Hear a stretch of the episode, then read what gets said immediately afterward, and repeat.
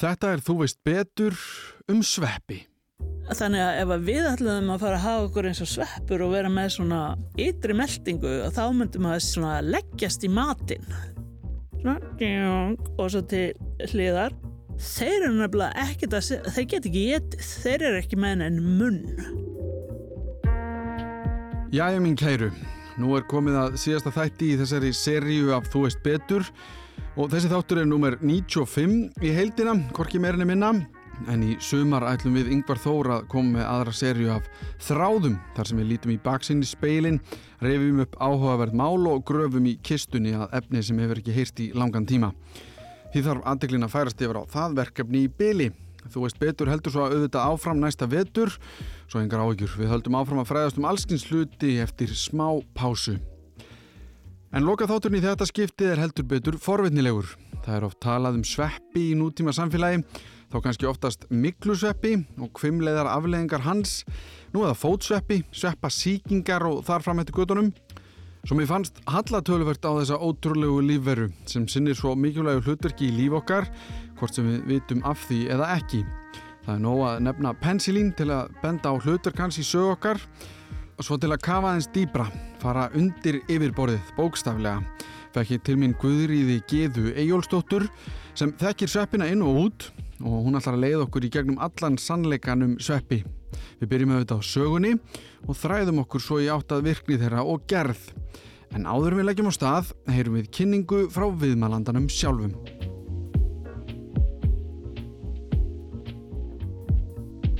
Ég heiti Guðriður Gíða Ejólfsdóttir og ég er sveppafræðingur. Hef í mörg ár unnið hjá Náttúrufræðistofnun Íslands á Akureyri vegna þess að þar eru stundar svepparansóknir og það er svona bókasapn með sveppabókum og það var þess vegna sem ég flutti til Akureyrar upphálega. Nú, það er bara þegar heimurinn var til. Já, sko til þess að vera nú svona freka gáfulega að einhverju leiti að þá var ég í undirbúning fyrir þennan, þetta spjall búin að finna út úr því svona cirka hvenar sveppir urðu til og þeir munu hafa orðið til svona fyrir þúsund miljónum ára sem sagt miljardi ég held að það sem sé það sem það kallað biljón mm. á ennsku og þetta bara byrjuð þar svona einfaldir ein frumur með svipu til að synda með og svoleiðis voru þeir um doldin tíma. Sveppir sem eru þannig enn í dag heita kitru sveppir og þeir synda einmitt með sléttri svipu á afturendanum. Svona ekkert ósipa eins og maður hefur séð myndir af sæðisfrumum gera. Mm. svona frumur sem synda í vatni. Og þessi sveppir uppálega voru háðir vatni þannig að þeir voru þar. En síðan fóru þeir á land og sennilega er um það byl 700 miljón ár síðan þeir gerðu það. Og þeir voru múin að koma sér þægilega fyrir þar þegar plöntunum dætt í huga verða til mm. þannig að Það virðist vera að tengsl milli plantna, róta plantna og sveppþráða í svona jákvæðum sambíli hafi orðið til alveg frá byrjun þessara landplantna. Mm -hmm. Skri, þessara skrítnu plantna sem hafi kent um að hafi verið til í gamla daga og maður svona sér teikningar af í kennslubókum og þær eru voðalega svona ræfilslegar sumar, svona bara stilkur og einlega ekkert rótakerfi mm. en þar koma sveppinir til bjargar retta vatni og næringu úr jarðveginum mm -hmm. eða því sem var þá í bóði Þannig að þetta er sko að því að er ekki oftast talað um að hvað gjör þessi 4,6 biljón ára gömul Aha, þetta var svona þegar fyrst komu þannig bakteríunar Já. og þær voru búin að vera bóða lengi held ég þegar hérna, heilkjörnungar myndast og sveppir eru einmitt heilkjörnungar eins og við. Mhm. Þeir eru sem sagt með, með hérna, erðaefni sitt innpakkað í sérstaklega heimnu eða þannig. Þannig að úr því er svona frumu líffæri sem að er kjarnin og þar er aðal sko, það sem aksjónin fer fram og það heilkjörnungar hafa þetta umfram dreif kjörnunga sem að er svona samsvarandi fyrir bakteríunar. Mhm. Þeirra litningur er bara svona í umfriminu svona sveiflast einhver staðar inn út um alla frumuna og bakteríur geta ekki orðin eitt rosalega stórar út af því. En frumur heilkjörnunga geta orðið tölvu stærri út af þessari sérhæfingu þannig með kjarnan. En, en það þarf samt að vera aksjón í hverju einustu frumu eiginlega. Mhm. þannig að annars er ekkert skemmtilegt.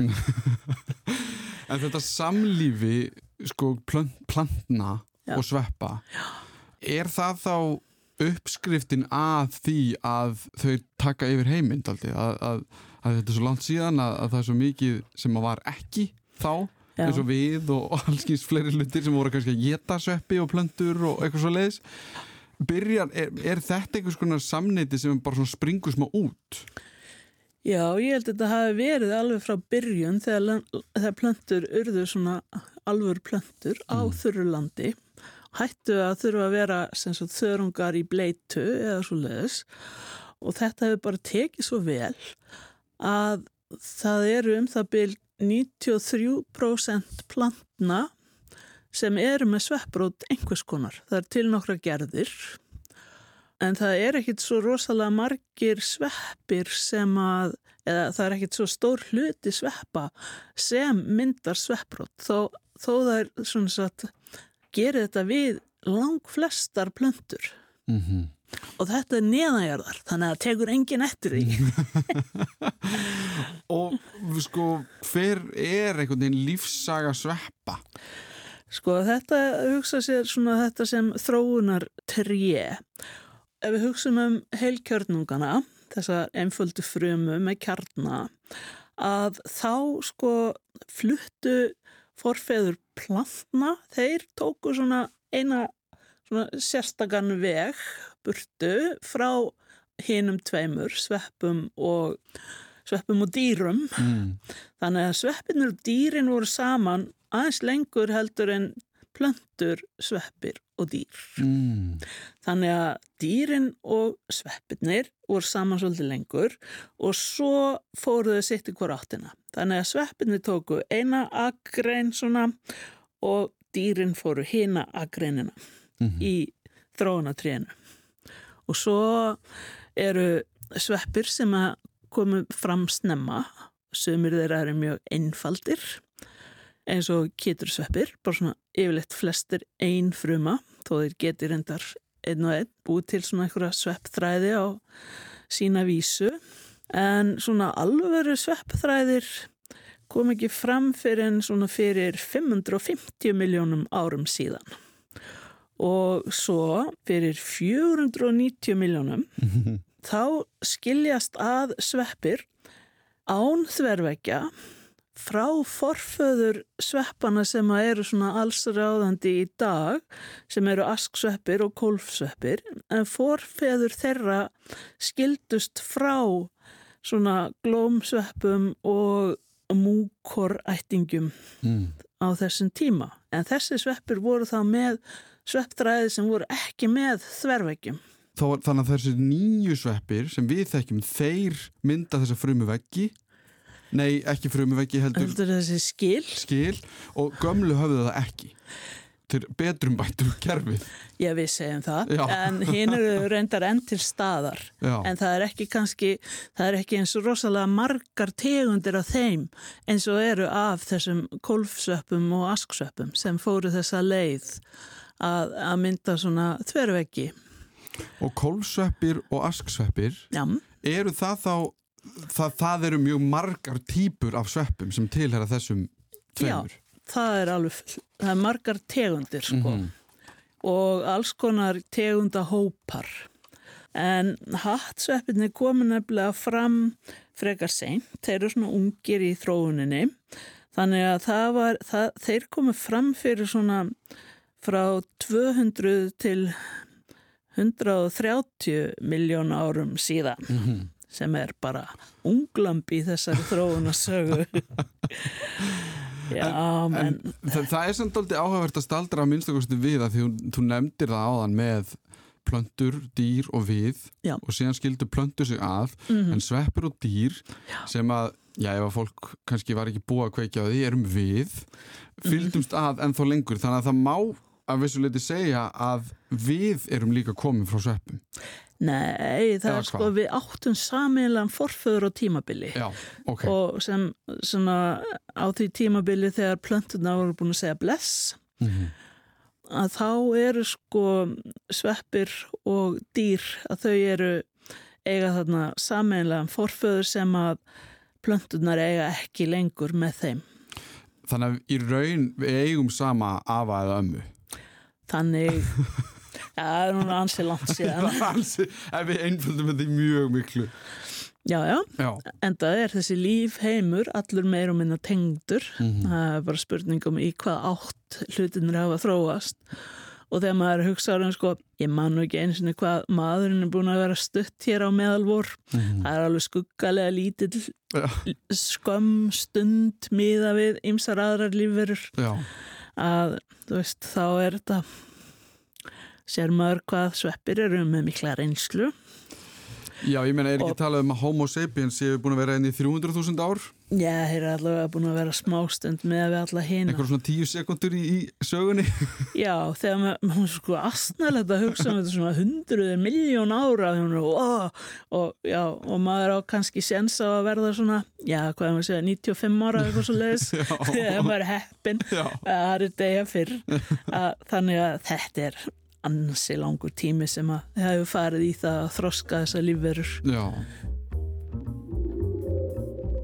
Nú höfum við tekið smá yfirlit um sögu sveppsins sem eins og þið heyrið er greiðlega löng en í stórum dráttum þá hafa þeir skipað stóran sess í uppbyggingu jarðarinnar og tengjast okkur mannfólkinu á mjög beinan hátt. Plöntunar greindu sig fyrst frá okkur en lífverur eins og við, svona endanum síðan, kursum að sitja í bílnum örlítið lengur. Þið finnst mér skemmtilegt að líta á sveppina sem einhvers konar forföður eða móður okkar sem er kannski langt seilst en ég ætla samt að lefa mér það í þetta skiptið. En nú pælum við í gerð þeirra og virkni. Hún Guðriður nefndi þverveggi og skilrum sem byrtust í þeim tegundum sem við þekkjum hvað mest í dag. En hvernig virka þessi hlutir og hvernig hegðar sveppurinn sér?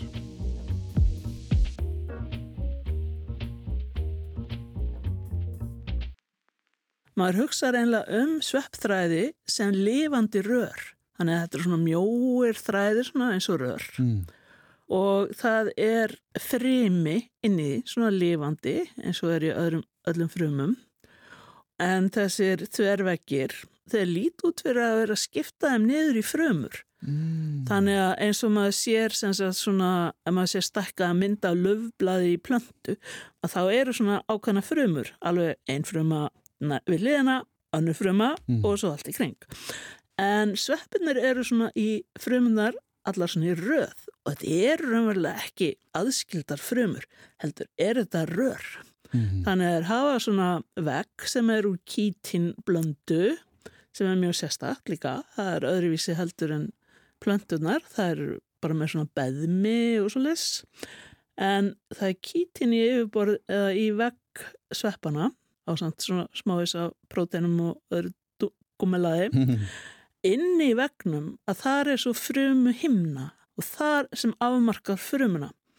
Ef þetta væri afmarkaðar frumur það væri ekki engin göt á þverveggjónum en þessi þverveggir eru eiginlega bara svona til styrtar eins og að það væri að búa til löngu göng eða væri með svona rör að það þyrti alveg að vera með styrtar listar svona annað vefið Mhm. til þess að það falli ekki saman og það er það sem að þessi þverveggir sem líta út eins og eitthvað sem skilur að frumur að þverveggin eru nefnilega með gati Mm. Þannig að það kemst eða allt í róli heitanum í gegnum gatið og yfir næstu frumu og út í hinn endan á þeirri frumu og svo áfram og áfram og áfram. Mm. Þannig eru efni flutt og jáfnvel frumulíffæri, kjarnar geta skriðið á milli. Stundum þurfa að nefnilega að fara eiga svona erindi í næstu frumu. Þeir geta þurft að hitta elskuna sína undir sumum tilfellum. Já, bara svona til aðgreiningar þegar ég hugsa um sveppi þá hugsa ég kannski um Flúðasvepp. Já, eða bara veist það sem við sjáum Já, aldinni, svepp aldinnið. já. já, en þetta er í gangi neðanjarða Já, þetta er, svona, þetta er meira svona líka með. Já. Hann er nefnilega úr þráðum. En aldinnin sem þeir búa til, svona eingerða á aldinni fyrir hver, hverja tegund oftast nær, mm -hmm.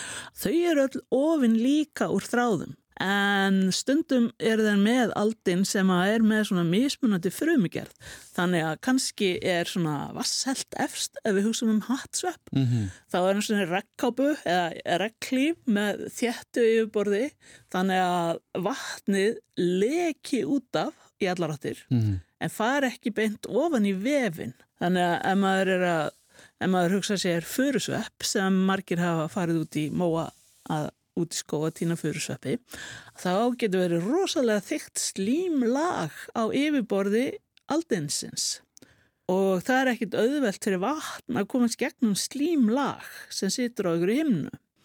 Þannig að þetta er svona vörn gegn ímiskonar mm.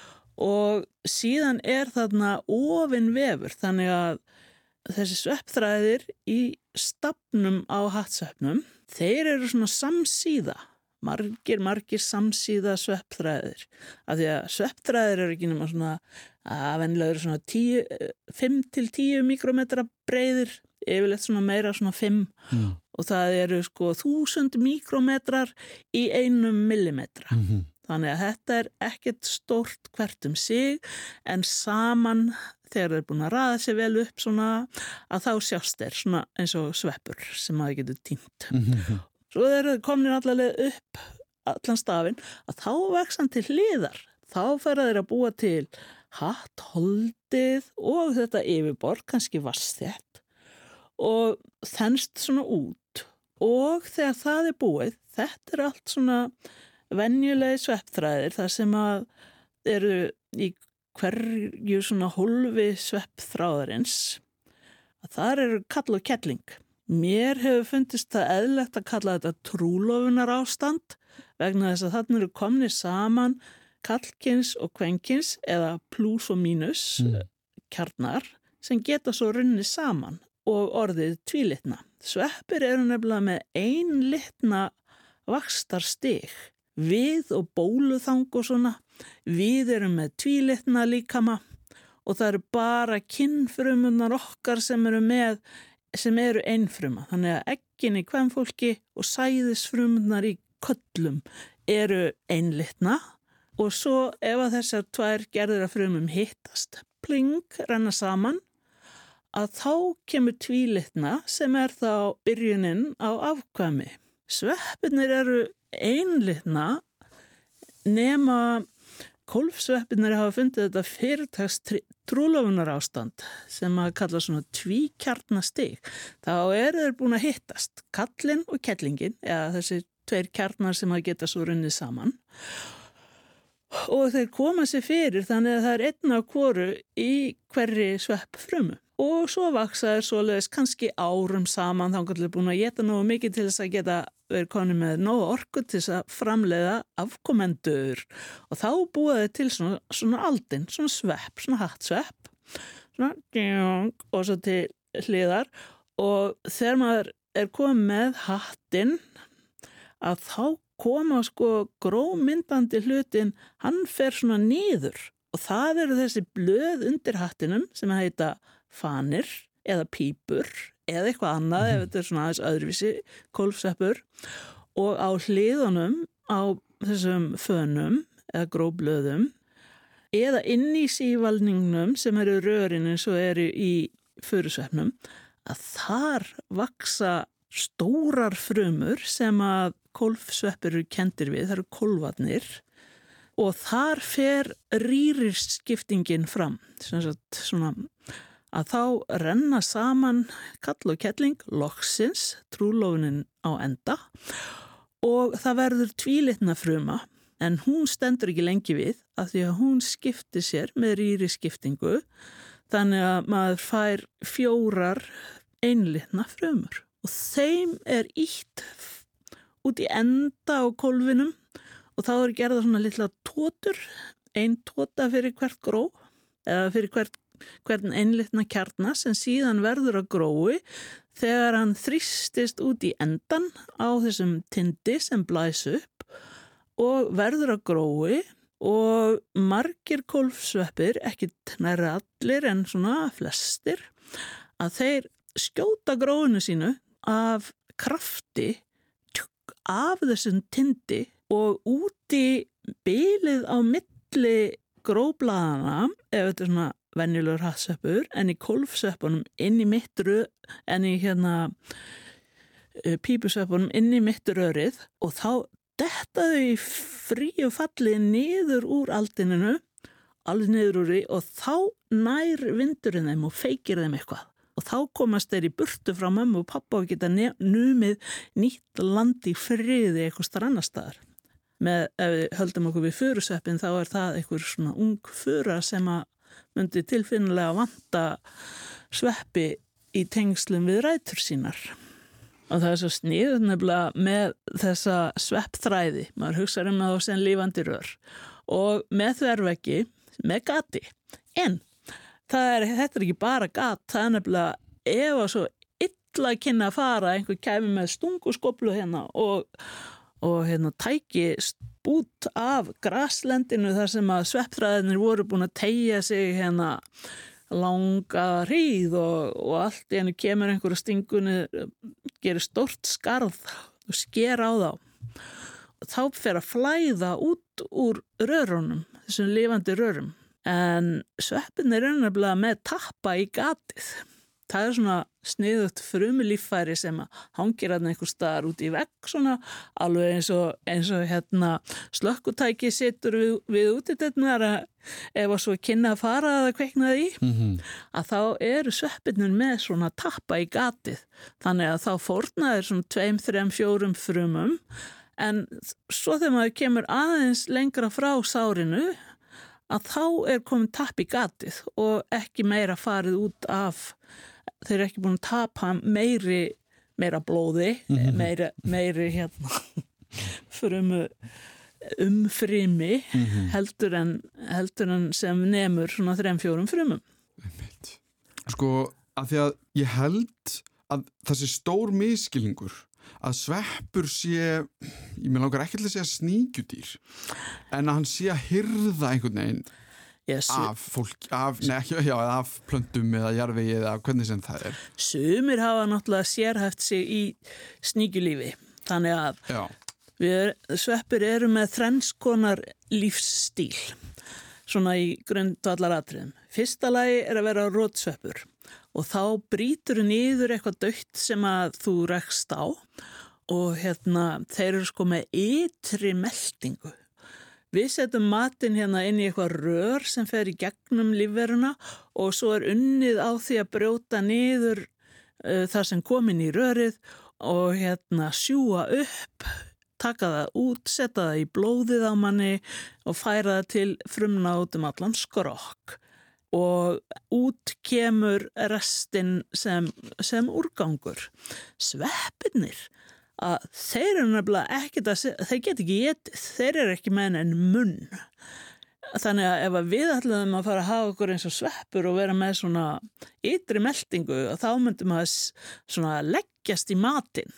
Þeir vaks alltaf inn í nýtt umhverfi og þeir gefa frá sér niðurbrjótandi efni, efnakvata eða enzím sem fara út, út fyrir svepptráðin og brjóta niður ímislegt og svo sígur sveppurinn svona niður brotnu efnin inn, litla búta, sigur og svona jummelaði. Sem er það bara í moldinni? Já, Eða... það, í mold er náttúrulega bara alls konar. Það mm. eru nefnilega svona hálf niðurbrotin efni, svona gamlar plöntuleifar og hitt og svo steinefni og svona alls konar. Mm -hmm. Þannig að það er náttúrulega ekki allt mold. Það eru sumir sem eru bara í trjáviði til dæmis. Brjóta niður stuppina öspinni sem var felt fyrir fjórum árum og byrjaði því mm -hmm. og, og komnir eitthvað áleiðis. Svo eru sumir sem að ná kannski sólpallinum og brjóta niður það, þann við eða þakviðin í húsinum hans þeim er svona nokkuð sama í hvað við höfum verið að nota viðin svo fremið sem að sé svona ennþá ættilegur en hann getur verið svona bara trjábólur eða trjástöpur út í skógi eða eitthvað sem að við höfum notað og ætlaði að láta endast lengi en glemt að, glemt að setja einhverjar sveppa varúðar ráðstafanir á og sveppurinn kemur bara og, og, og milur þetta í sig. Þetta er svona rótsveppir að þeir eru svona þeir sem að stunda ringrásar hagkerfið í, að sinni grunnvinnu. Brjóta niður eitthvað dögt og losa næringarefnin úr því þannig að aðrir geti notaðu setna. En þarf það að vera dögt? Af því að sko, við höfum líka all haft bara ávexti á borðinu heima hjá okkur eða matin í ískáp eða hvernig sem það er og stundum finnst mér eins og það sé ekkert langt sem ég kefti appisínuna eða bananan og allt í hún er eitthvað komið í gang sem að, brauðið eða Já, en sko, já, brauð myndi ekki vera lifandi lengur. nei, reyndar ekki. En appelsínaðin myndi vera lifandi. Svona þannig laga sig, ekki döð en það, hún er líka búin alveg sérstöku yfirborði. Þú hefur prófað að hérna taka appelsínubörk og, og hérna úða úr honum. Nei. ég get gert svo leis fyrir þeim með appelsínu sem ég var að borða á hann mm þá er hérna, Svona smá spray eða svona já, eitthvað þetta, þetta eru svona, svona, svona rókugjarnar óljur Mhm. sem eru svona í óljubólum í yfirborðinum gerðar til þess að vera að það sé virkilega erfitt að komast inn í hana. Það er ekki nema sára fáir sveppir sem komast í sítrónur eða appelsínur.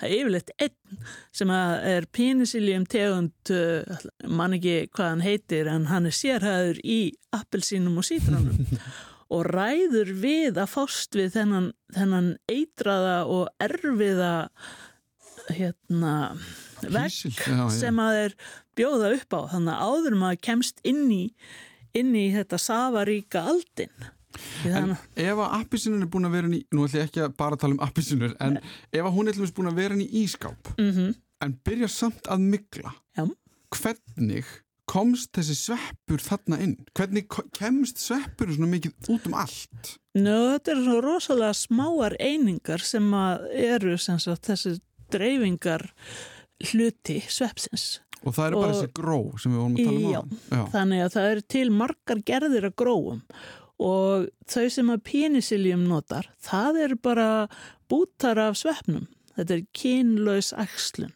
að þá er bara sveppurinn er með svona skipulag þar sem að hérna, hann bútar niður svona passlegan bút af sjálfu sér pakkar inn í sterkan vegg og sendir að stað út í loftströymana þessi vonar að hann hitti aðra appelsínu eða sítrónu.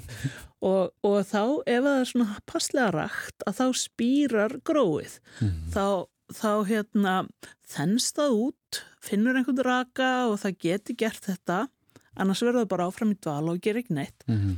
svo þennst það út og það tegir sig út úr því það er svona yfirborðið rofnar og innri parturinn vex af stað sem lítill sveppþráður og hann greinist og greinanar halda áfram að vaksa og áður en þú veist af að þá er þetta orðið af svona kringlóttum bletti Mhm. á sítrónunni eða appelsínunni. Fyrst er hann hvítur, svo verður hann grætt Mhm. þegar s- sveppurinn fær að mynda svo sín eigin gró þarna. Gróberar koma upp og endum þeirra myndast margar keðjur af svona litlum grænum gróum tilbúinum til þess að fjúka yfir á næstu appelsínu.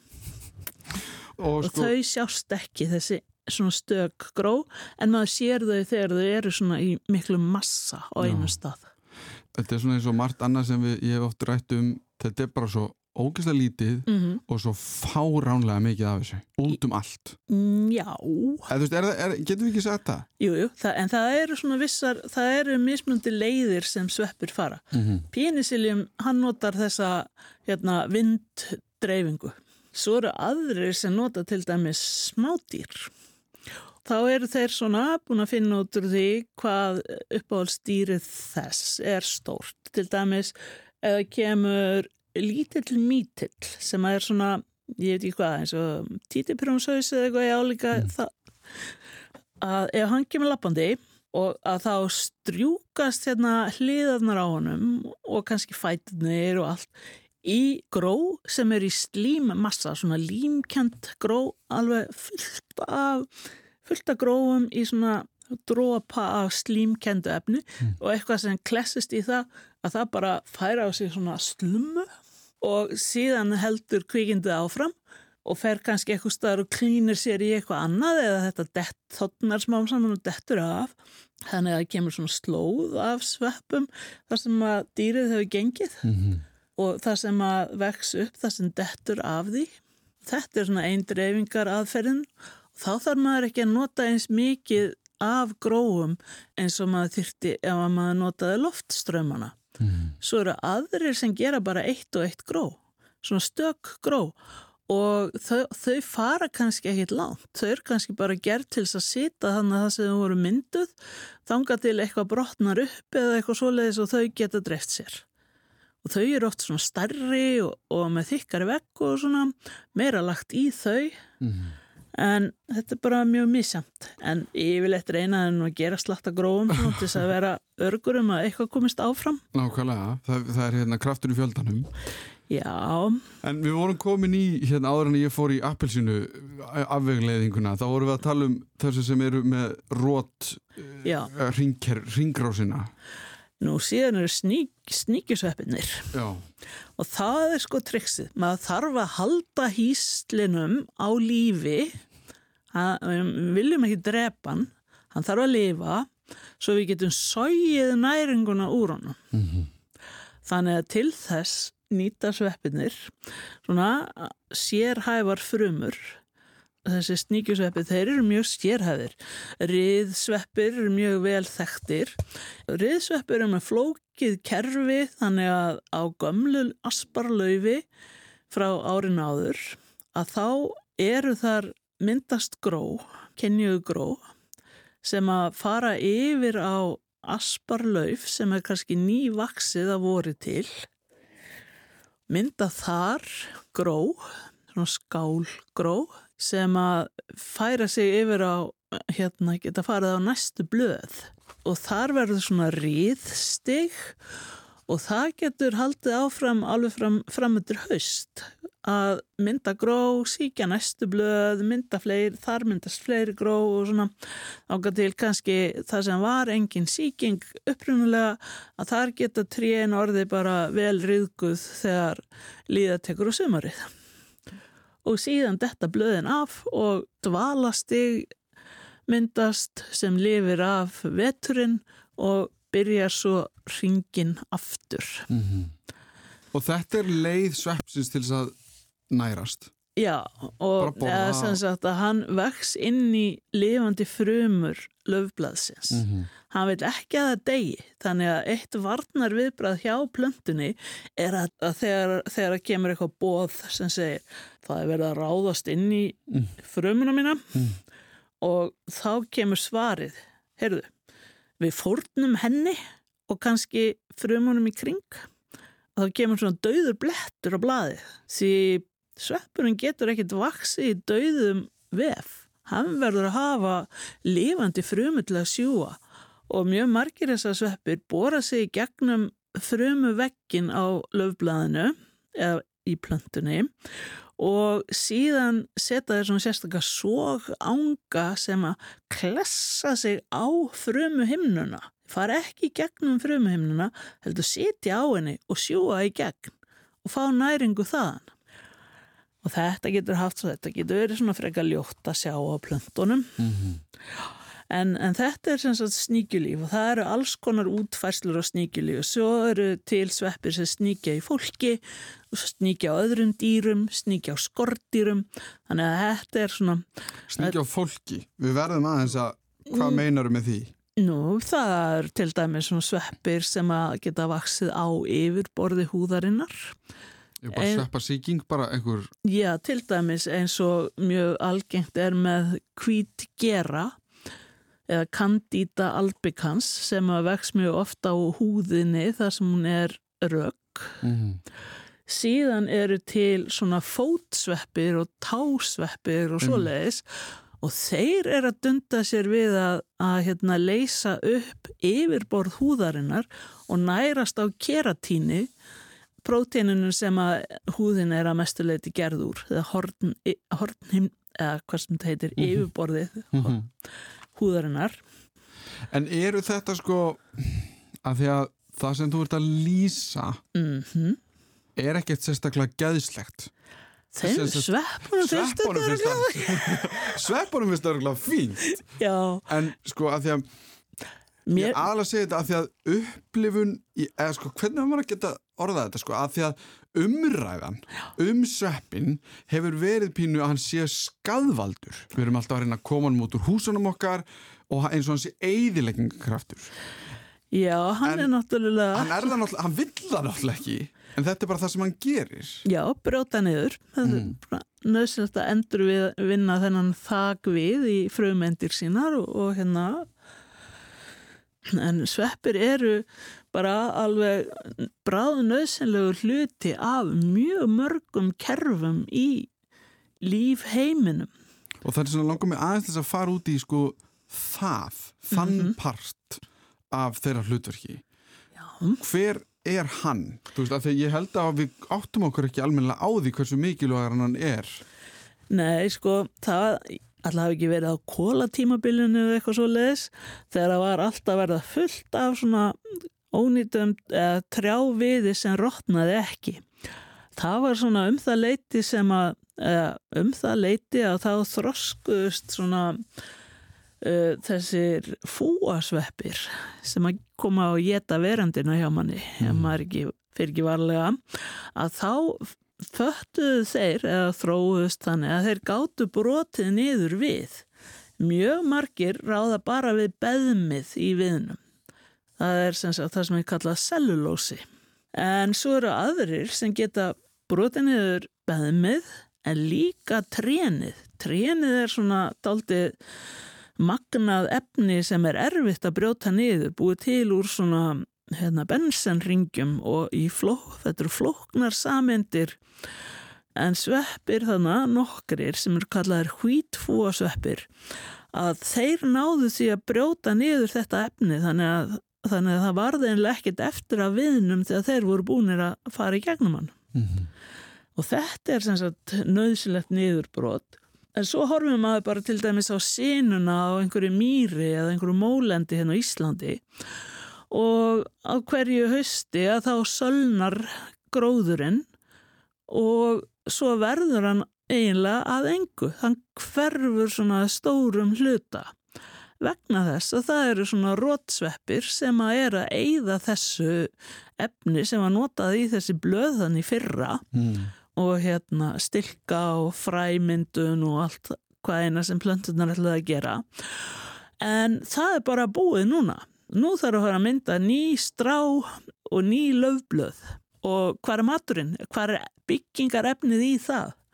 Það þarf að losa það úr gamla dótinu, svona mestuleiti til þess að sé hægt að nota það í, bygg, í það að byggja ný löf fyrir, fyrir sömarið og þar koma sveppir inn í.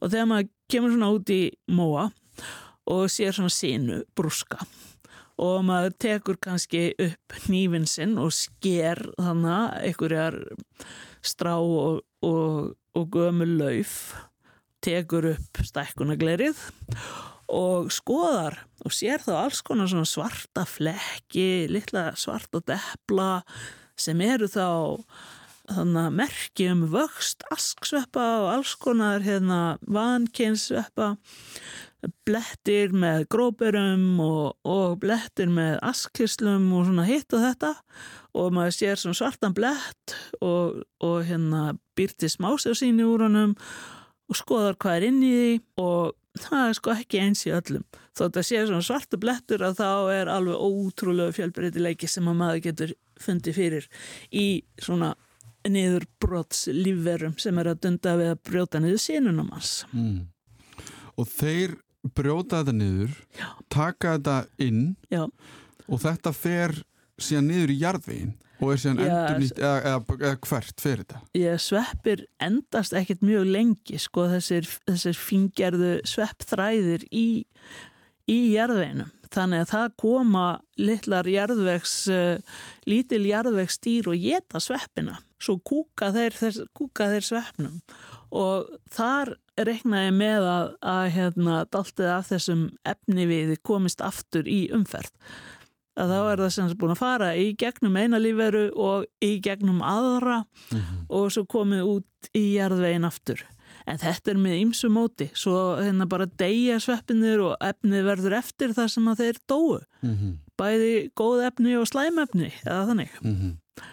En eins og maður hefur heyrt sko samt að því að maður hefur heyrt að elsta og einn stærsta lífvera sem við þekkjum í heiminum í dag sé sveppur Já.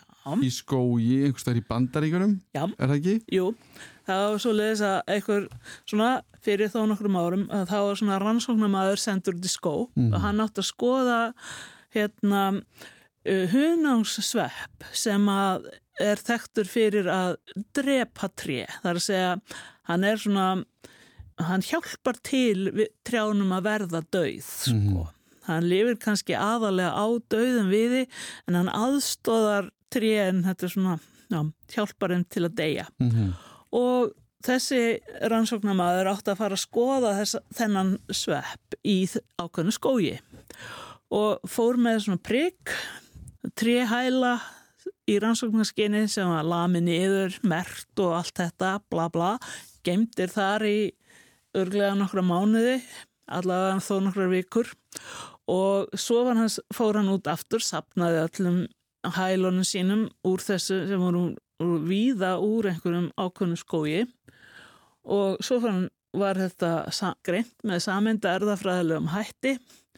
Svo kom niðurstöðunar það er voru daldi svona þetta var ekki bara sama tegundin þetta var sami einstaklingurinn út um allan skó sem að er bara hefur vaksið hana í þessum, þessum bláfjöllum bandaríkjamanna. Ég held að sé 2300 ára eða eitthvað svo les hann er ekki ungur Nei, og orðin alveg ótrúlega stór þannig að þeir hafa reknað út rummálið á honum og eitthvað svoleiðis og vakstar hraða hverju ári og fengi út að þetta sé langstærsta lífvera heims. Þessi þannig stór kveli og risa þannig rauðviðir þeir eru sko ekkert á við þennan svepp. Ég velti bara fyrir mér sko að því ég hef kíkt á síðun eitthvað. Fungi Íslands. Funga Íslands sveppir æturöður ei sem Já. því það, það þarna sé, fengist við alla íslenska sveppi. Mm. þar á meðal það sem maður geti getið Já, eru þeir margir sem, sem eru hér á Íslandi? Er þetta mjög mikið úrval? Af tegundum. Já, Sko það er búið að finna eitthvað svona og skrásetja ríflega 2000 sveppi, mm. bæði litla og stóra, aðalega, aðalega litla sko, en að það séu svona um 800 kolfsveppategundir og þá er með í því sko riðsveppir og sótsveppir Mm. sem eru svona litlar og asksveppir eru einhver staðar um þúsund og eitthvað megnið að þeim er svona smátt en svona einn og einn sem er stór. En þetta er ekki sveppi sem maður er að borða mikið? Nei, það eru bara vissar tegundir sem að eru sapnað til átu Og er, er mikið af þeim hér? Það er alveg slatti, já, til Kannski dæmis meir en fólk átt að segja á Já, eða svona sumt fólk allavega Það er fullt af þessum pípusveppum sem eru vaksa með trjám og til dæmis þessar innfluttu trjátegundir eins og lerki og, og fura mm. að þær hafa með sér fylgisveppir sem eru mjög fínir matsveppir lerkisvepp og furusvepp Mm. sem eru svona pípusveppir og með byrkinu vex uh, kúalubi sem er ljómandi fýtt sveppur að maður nær honum og undan flugu sem verpir alltaf í hann og geymir þar afkvæmi sín og góðum og, og hérna, næringaríkun stað. Þannig að það eru yfirleitt búin að geta þá þegar maður finnur þá. Mhm. þannig að það er svona ef maður reynsar það þá verður ekkit mikið eftir. Nei, ekki nefnum að maður sé sérlega heppin sé kallt einhver staðar og flugan hafi bara hérna, aðeins hætt við en það er sko þessir íslensku sveppir að þeir eru svona við erum norðarlega og við erum sko okkar sveppir eru kannski eins og norðarlega í Skandinavíu upp til fjalla og hérna í Alpafjöllunum og svo leiðis þannig að við höfum svona vissa samsörun við það þegar við erum svona næstuð því heimskot og næstuð því fjall, fjalllendi mm. Og það eru svona heitari svæði á Íslandi þar sem það er kannski sens að komi hérna aðrar tegundir. Svo eru skóarnir að þroskast. Þessi sem var þess, þeir skóar sem var fyrst plantað af erlendum trjátegundum eru svona orðnir rétt rúmlega hund, eða, 120 ára þeir allra eldstu sumir þeirra svona nálgast já, 80 ára eða eitthvað í það áttina. Mm -hmm. En þetta eru kannski ekki stór skólendi og svo er náttúrulega íslenski byrkiskórin þannig að það eru eins og á vestfjörðum eru mjög skemmtilegir matsöppir eins og það er að finna kantarellu mm -hmm. í tölverðu úrvali líka hérna út kjálkum á Norðurlandi Og er það það sem fólk er að eldast við? Er það að því að hver sveppur hefur sitt bragð? Eða, eða, eða er, er það bara svona daldi eldingaleikurinn og spennan? Og, og... Það getur verið allt saman sko. Svo er líka hægt að fara út að, að skoða, skoða funguna án þess að ætla að geta hana mm -hmm. eins og ég geri.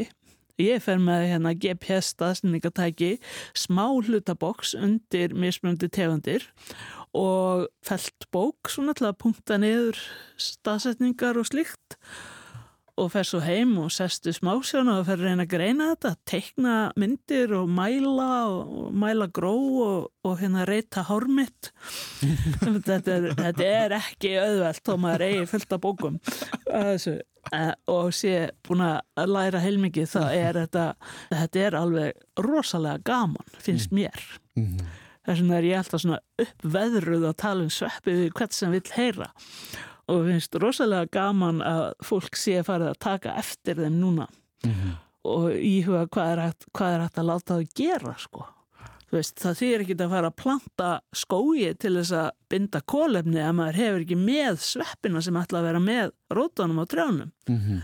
Þá tapar maður örglega sem svarar fyrsta sumrinu þegar þá er rætuna bara mm, hvað eru sveppinu mínir hvað eru sveppinu mínir ég get ekki að vaksa núna en ef að með, í venjulegum skói ef menn setja hérna, nýja trjáplöntu þar inn að þá tengist hún netinu sem er neðanjarðar í skóinum mm.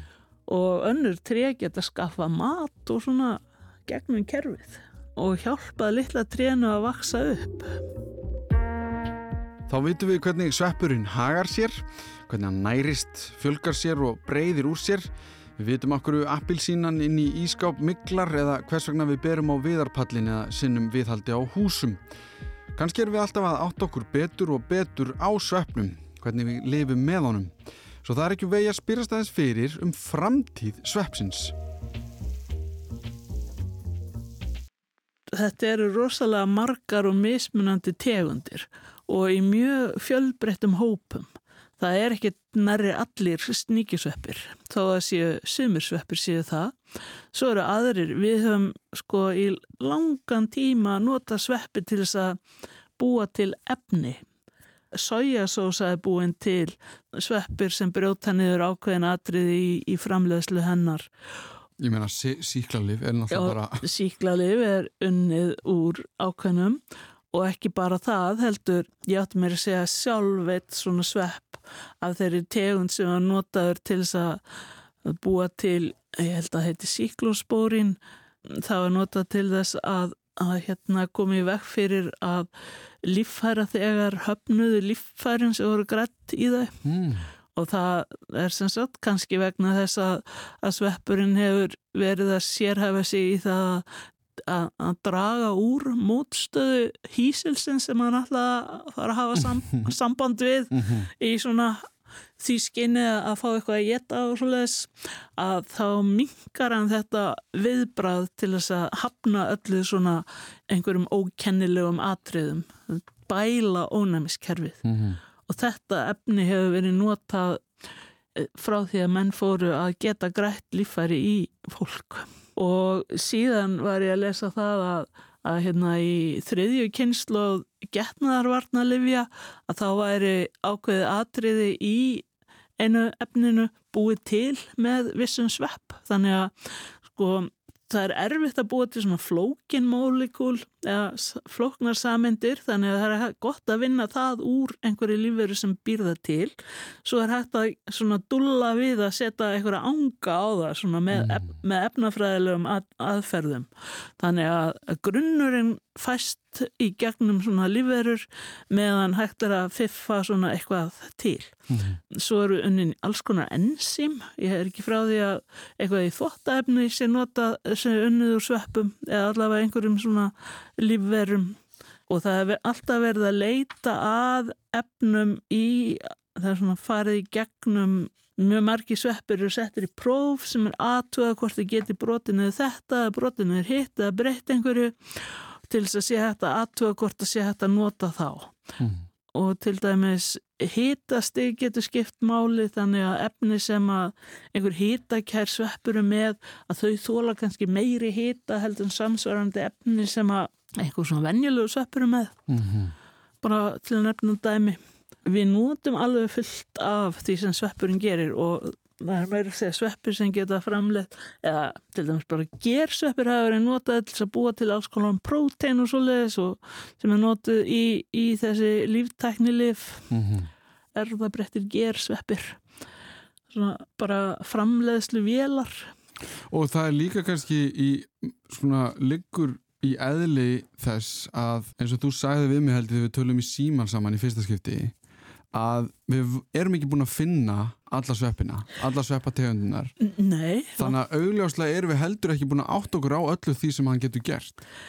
Nei, nei, og síðan bara hérna, að þá er líka sveppir sem að hafa verið í eins og til dæmis hérna, íviði taxus sem er nota íviður sem að hafa verið unnið úr efni til þess að berjast á móti krabbamenni notað í svona efna meðferð eða kemo, kímóþerapíu mm -hmm. eða svo les að þá eru tveir sveppir í íviðnum sem að framlega þetta sama efni þá þarf maður ekki að vera að rækta alltaf þetta tré, heldur bara að rækta sveppina Einmitt. til þess að ná þessu nöðsynlega efni það er alls konar möguleikar og svo bara með meiri ræktun af sveppum. Er þetta að rækta fleiri heldur en hérna, Agaricus bisporus flúðasveppin það er þetta rækta fleiri matsveppi eins og ostruvang sem hægt er að kaupa svona fötu sem að sapnar í kaffikorki og dreifir úr brefi sem fylgdi fötunni útsæði af svepp. Svona kvítfúasvepp sem gefum til með að geta kaffikorkin og búa til ljúfeng aldin sem að getur stekt á pannu og getið með steikinni. Nú þekkjum við sveppina betur og erum vonandi búin að skilja betur hversu mikilvægur hlutverki þeir gegna í líf okkar og tilveru. Þeir gera allskynns óskunda en það er ekki við þá að sakast, þetta er þeirra eðli og ekki ákveða þeir hvernig skuli byggja hús eða halda þeim við. Það eru við sem gerum það. Ég get mælt með myndinni Fantastic Fungi á Netflix fyrir þau sem vilja kynna sér meira. Pól Stamets er líka mjög stór karakter í þessum sveppaheimi og það er til TED Talk frá honum sem er mjög áhugavert svo vakt sér til orða tekið. Og svo auðvitað ef þið viljið taka þátt í sveppa samfélagi Íslands getið þið farið inn á Facebook og, og skrifað Funga Íslands og það er guðriður geða í stóru hlutverki. Æðlilega! Framtíð sveppsins er ótrúlega spennandi, getur verið nátengð því hvernig við leysum stór vandamál sem við sjálf stöndum framifyrir, varandi loftslag og áframhaldandi veru okkar á þessari plánutu. Ég vil þakka Guðriði Gíðu Ejólsdóttur kærlega fyrir komuna og fyrir að segja okkur allt um þessa merkilegu sveppi. Ég heiti Allimár Steinarsson og þakka kærlega fyrir mig og fyrir veturinn sem leið. Við erum búin að fara yfir fullt af skemmtilegum hlutum og það er nóg eftir. Næsta vetur ætlum við að byrja á þáttum um strengjafræði svo það er hægt að byrja að hlakka til núna. En segjum þetta gott í byli, ég minna á að allir þættirnir eru aðgengilegir í spilara og hlaðvarsveitum. Þetta var Þú veist betur um sveppi.